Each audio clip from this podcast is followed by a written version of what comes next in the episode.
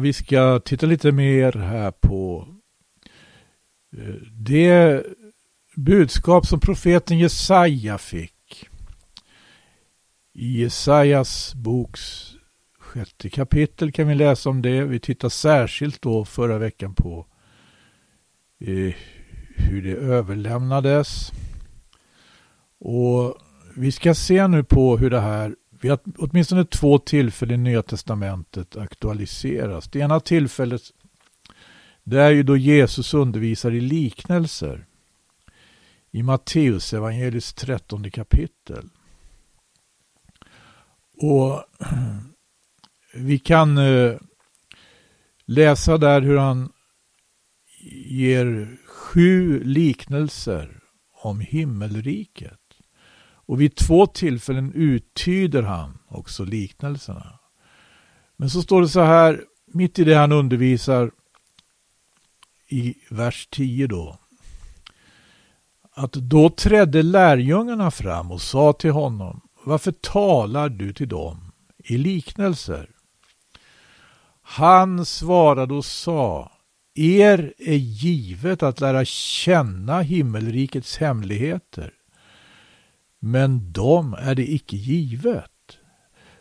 Den som har, åt honom ska bli givet, så att han får över nog, men den som icke har, från honom ska tagas också det han har. Därför talar jag till dem i liknelser, eftersom de med seende ögon intet se och med hörande öron intet höra och intet heller förstå, så fullbordas på dem Esaias profetia. Den som säger med hörande öron ska ni höra och dock alls intet förstå. Och med seende ögon ska ni se och dock alls intet förnimma. Detta folks hjärta har blivit förstockat och med öronen höra det illa och sina ögon har de tillslutit så att de icke ser med sina ögon eller höra med sina öron eller förstå med sina hjärtan och omvända sig och bli helade av mig. Men saliga är era ögon som se och era öron som höra, sa alltså Mästaren till sina lärjungar. Och vi lägger märke till en annorlunda ton här då. Esaias profetia. Detta folks hjärta har blivit förstockat. Vi läste i själva profetian. Förstocka detta folks hjärta. Tillslut dess öron, förblindades ögon. Här eh, kommer eh, den här, alltså Jesus påminner om den här profetian då han undervisar just liknelser. Eh, det står lite längre fram i kapitlet i vers 20, 34. Allt detta talade Jesus i liknelser till folket och utan liknelser talade han inte till dem. För det skulle fullbordas som var sagt genom profeten, en annan profet som sa jag vill öppna min mun till liknelser och uppenbara vad förborgat har varit från världens begynnelse. Och det här är ju eh, citat från psalm, en saltasalm då, den 49 salmen i Saltaren. Varför, frågar lärjungarna, talar du till dem i liknelser? Det är intressant nu att eh, om vi går till skriften så kan vi se att liknelser förekommer i såväl i både gamla och i nya testamentet. Och i gamla testamentet så talar Gud genom liknelser. Eller så sänder han människor som talar genom liknelser. I Nya Testamentet talar Jesus och undervisar genom liknelser. Eh, till exempelvis så får ju Hesekiel i uppdrag eh, att eh, det heter så här i 17 kapitlet i Hesekels bok. Herrens ord kom till mig. Han sa du människobarn, förelägg Israels hus en gåta och tala till det en liknelse. Profeten Hesekiel får uppdrag av Gud och tala i liknelse. Och vad var det för liknelse den här gången? Då? Det här var ju då Hesekiel var verksam. Det var under den tiden folket, judafolket eh, var hotade av det babyloniska riket och man såg sig om i världen för att se om det fanns några som kunde hjälpa mot, mot Babel. Då får, eh, då får Hesekiel höra denna liknelse som han också ska tala till folket genom. Säg, så säger Herren, Herren, den stora örnen med de stora vingarna och de långa pennorna. Han som är så full med brokiga fjädrar, han kom till Libanon och tog bort toppen på seden. Han bröt av dess översta kvist och förde den till krämarlandet och satte den i en köpmansstad. Sen tog han en telning som växte i landet och planterade den i fruktbar jordmån. Han tog den och satte den bland pilträd på ett ställe där mycket vatten fanns. Och den fick växa upp och bli ett utgrenat vinträd, dock med låg stam, för att dess rankor skulle vända sig till honom och dess rötter vara under honom. Den blev alltså ett vinträd som bar grenar och sköt skott. Men där var också en annan stor örn med stora vingar och fjädrar i mängd. Och se, till denne böjde nu vinträdet längtansfullt sina grenar. Och från platsen där det var planterat sträckte det sina rankor mot honom för att han skulle vattna det. Och dock var det planterat i god jordmån på ett ställe där mycket vatten fanns så att det kunde få grenar och bära frukt och bli ett härligt vinträd. Ja, vi ser bilden här då. Hur två stora örnar eh, presenteras och, ett, och en kvist som växer och blir ett träd. Den första örnen hade tagit denna kvist och planterat den för att vaka över den andra örnen. Blev dock föremål för kvistens, eller som då hade blivit ett träd, ett fullt ut uppväxt vinträd, längtan. Jag fortsätter. Vers 9. Säg vidare, så säger Herren, kan det nu gå väl? Ska man icke rycka upp dess rötter och riva av dess frukt så att det förtorkas och så att alla blad som har vuxit ut därpå förtorkas och sen ska varken stor kraft eller mycket folk behövas för att flytta det bort ifrån dess rötter. Visst står det fast planterat, men kan det gå det väl? Ska det icke alldeles förtorka när östanvinden når? Ja, förtorka på den plats där det har vuxit upp. Vad, vad handlar det här om? Jo, vi får en förklaring. Här får vi en uttydning. Herrens ord kom till mig, han sa, säg till det gensträviga släktet. Förstår ni icke vad detta betyder? Så säg då, se, konungen i Babel kom till Jerusalem och tog dess konung och dess furstar och hämtade dem till sig i Babel. Och han tog en ättling av konungshuset och slöt förbund med honom och lät honom anlägga ed. Men det mäktige i landet hade han fört bort med sig för att landet skulle bli ett oansenligt rike som inte kunde uppresa sig och som skulle nödgas hålla förbundet med honom om det ville bestå. Men han avföll ifrån honom och skickade sina sändebud till Egypten för att man där skulle ge honom hästar och mycket folk. Kan det gå den väl som så gör? kan han undkomma, kan den som bryter förbund undkomma. Så sant jag lever, säger Herren, Herren, där den konung bor som gjorde honom till konung. Den vilkens ed han likväl föraktade och vilkens förbund han bröt där hos honom i Babel ska han sannerligen dö. Och farao ska icke med stor härsmakt och mycket folk bistå honom i kriget. När en vall kastas upp och en belägringsmur byggs till undergång för många människor. Eftersom han föraktade eden och bröt förbundet och gjorde allt detta fastän han hade givit sitt löfte. Därför ska han icke undgå. Här är, alltså, här är förundligt hur Gud, den allsmäktige, så böjer sig ner. Det var ju faktiskt med Gud som Israel hade ingått ett förbund. Det ingick ett förbund med, med Gud på Sina i berg. Och det här förbundet förnyades i olika omgångar. Nu så jämför då Herren eh, situationen med Babel och eh, hur Babel för bort folket i fångenskap och dess, och dess förstar. Och det innebär alltså att det upprättas ett slags förbund mellan Babel och Israel. Men judarna läng ser längtansfullt efter Egypten och hoppas Egypten ska komma till undsättning.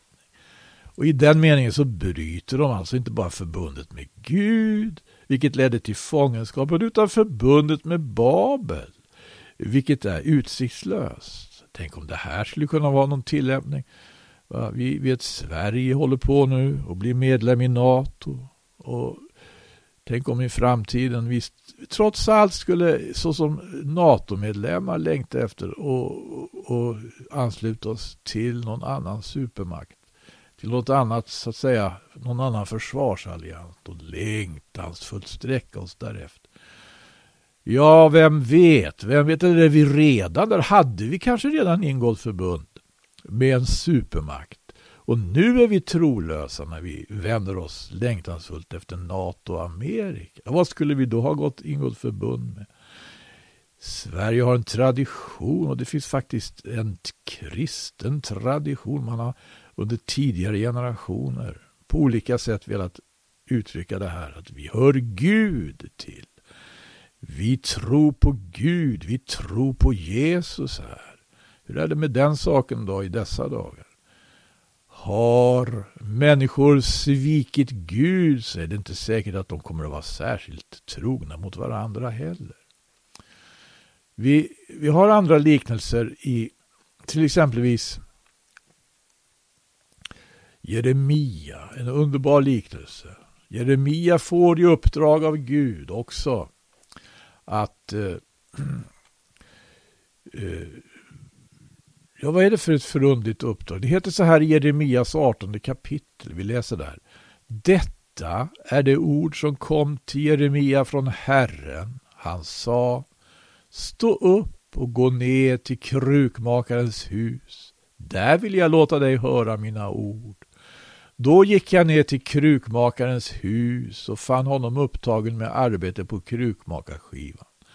Och när kärlet som krukmakaren höll på att göra av leret misslyckades i hans hand började han om igen och gjorde därav ett annat kärl så som han ville ha det gjort. Och Herrens ord kom till mig, han sa. Här hade alltså profeten fått se någonting. Han hade sett krukmakaren i arbete och hur det gick till där. Och om ett ler misslyckades i krukmakarens hand, eftersom han höll på liksom eh, på drejskivan att forma, ja då började han om igen. Herrens ord kom till mig och sa, skulle jag icke kunna göra med er? Ni av Israels hus så som denne krukmakare gör, säger Herren. Jo, så som leret är i krukmakarens hand, så är också ni i min hand ni av Israels hus. Den ena gången hotar jag ett folk och ett rike att jag vill upprycka, nedbryta och förgöra det. Men om då det folket omvände sig från det onda väsendet mot vilket jag vände mitt hot så ångrar jag det onda som jag hade tänkt att göra dem. En annan gång lovar jag ett folk och ett rike att jag vill uppbygga och plantera det. Men om det då gör vad ont är i mina ögon och inte hör min röst så ångrar jag det goda som jag hade sagt att jag ville göra det. Liknelsen handlar också igen om Guds folk, om Guds församling. Man får väl säga att det här är en liknelse med krukmakaren som verkligen andas nåd. Och när, när kärlet misslyckas. Skulle inte eh, Nya Testamentets folk, då, den kristna församlingen, kunna göra en tillämpning av det? Därför att hela Nya Testamentet andas ju nåd. Det finns ju inte ett brev som inte inleds med den hälsningen, eller någon slags liknande hälsning som börjar med nåd vare med er, nåd vare med er och frid ifrån Gud, vår Fader och Herren Jesus Kristus. Och liksom på samma sätt står det, Johannes aposteln skriver om Jesus, att han var full av nåd och sanning. Och det kan vi sannerligen se när vi tar del av hans vittnesbörd och de andra evangeliernas vittnesbörd om Jesus. Han börjar om igen. Och Vi ska också ta ett exempel här från Jesaja. Jesaja får med en liknelse som jag skulle kunna kalla klassisk i jämförelse med, med, med Jesus. Därför det står så här i Jesajas femte kapitel. Jag vill sjunga om min vän, min väns sång, om hans vingård. Min vän hade en vingård på en bördig bergskulle och han hackade upp den och rensade den från stenar och planterade där ädla vinträd. Han byggde ett vakttorn där inne. Han högg och ut ett presskar där i. Så väntade han att den skulle bära äkta druvor, men den bar vilddruvor. Och nu, ni Jerusalems invånare och ni judamän, fäll nu er dom mellan mig och min ving. Vad kunde mer göras för min vingård än vad jag har gjort för den? Varför bar den då vilddruvor när jag väntade att den skulle bära äkta druvor? Så vill jag nu kungöra för er vad jag ska göra med min vingård. Jag ska ta bort dess hägna och den ska ges till skövling. Jag ska bryta ned dess mur och dess, den ska bli nedtrampad. Jag ska i grund fördärva den. Ingen ska skära den eller gräva där i. Den ska fyllas med tistel och törne och molnen ska jag förbjuda att sända ned regn på den. Ty Herren Sebaots vingård, det är Israels hus och judafolk är hans älsklingsplantering. Men när han väntade laglydnad, då fann han lagbrott. Och när han väntade rättfärdighet fann han skriande orättfärdighet. Den här liknelsen kan vi ju finna eh, jämförelser om vi går till Nya Testamentet som är helt... Jag tänker på hur Jesus undervisar exempelvis i Matteus evangeliets 21 kapitel kapitel. Det, det heter ju så här i, i 21 kapitlet, 33 vers. Han talar där till skriftlärde och andra som gaddar sig samman mot honom. Och, och, och säger som så. Hör nu en annan liknelse i vers 33. En husbonde planterade en vingård och han satte stängsel omkring den och högg ut ett presskar därin och byggde ett vakttorn. Där, därefter lejde han ut den åt vingårdsmän och for utrikes. fattas ju ingenting här jämfört med hur han uttrycker sig i Jesaja. Planterade ädla, han byggde ett vakttorn där han högg och ut ett presskar och, och väntade. Det som fattas är väl att han inte lejde ut den åt vingårdsmän. Då. Men samma liknelse med mycket liknande betydelse. Hur Gud har omsorg om sitt folk och hur Gud ändå blir trotsad. Och Ja, vi kanske ska läsa vidare i Matteus evangeliets 21 kapitel. Byggde ett vakttorn, därefter lejde han ut den åt vingårdsmän och for utrikes. När sedan frukttiden nalkades sände han sina tjänare till vingårdsmännen för att uppbära frukten åt honom. Men vingårdsmännen tog fatt på hans tjänare och en misshandlade det, en annan dräpte det, en tredje stenade det. Åter sände han åstada andra tjänare, flera än de förra, men det gjorde med dem sammalunda. Slutligen sände han till dem sin son. Han tänkte, det ska väl ha försyn för min son. Men när vingårdsmännen fick se hans son sade de till varandra, här kommer arvingen. Låt oss dräpa honom så får vi hans arv. Och det tog fatt på honom och förde honom ut i vingården och dräpte honom. När nu vingårdens herre kommer, vad ska han då göra med de vingårdsmännen? Det där fick eh, de skriftlärde något att tänka på, något att bita i. Liknelsen handlar ju om hur Gud hade sänt profeterna. Men de hade blivit stenade och dödade. Sen sände han också sin son som stod där framför honom. Och det var helt inne på att han skulle dödas. Vilket vi också kan läsa att så skedde. Liknelser. Han talar i liknelser. Och det är att lägga märke till att Jesus försvarar detta att undervisa i liknelser genom just att åberopa Jesajas profetia i Matteus evangeliets trettonde kapitel. Men vi har inte läst en enda av de liknelserna. Vi har, jag har läst andra liknelser. Men som vi finner i skriften. Det här är, det här är, det här är Guds sätt att tala på. Skriften innehåller Guds ord. Gud talar genom skriften både i gamla och i nya testamentet. Och ibland kanske han talar i liknelser. Då vi menar att han inte talar i liknelser. Ibland talar han inte i liknelser. Men vi menar att han gör det. Det där måste man vara uppmärksam på. Men nu har vi tagit några exempel där det helt uppenbart handlar om liknelser. Och det står att lärjungarna trädde fram och ställde den frågan till honom. Varför talar du till dem i liknelse? Och då svarar han med att citera profeten Jesaja.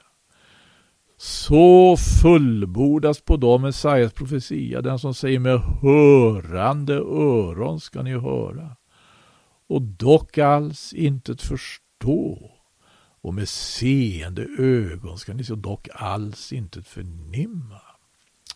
Vilket öde! Ett verkligt mänskligt öde. Eh, syndarens öde. Att se, att hela, att se och höra, uppfatta men ändå inte uppfatta. Hela verkligheten går förbi.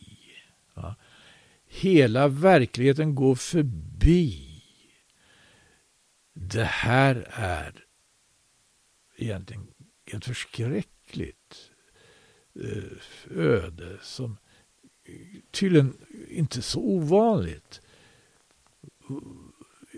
Hela verkligheten går förbi. Man hör, men man hör ändå inte. Man ser, men man ser. Och det, det här blir särskilt det här blir särskilt påtagligt, jag vet inte vad jag ska säga, när Jesus går förbi när Jesus kommer, när Jesus undervisar, när Gud är och färde.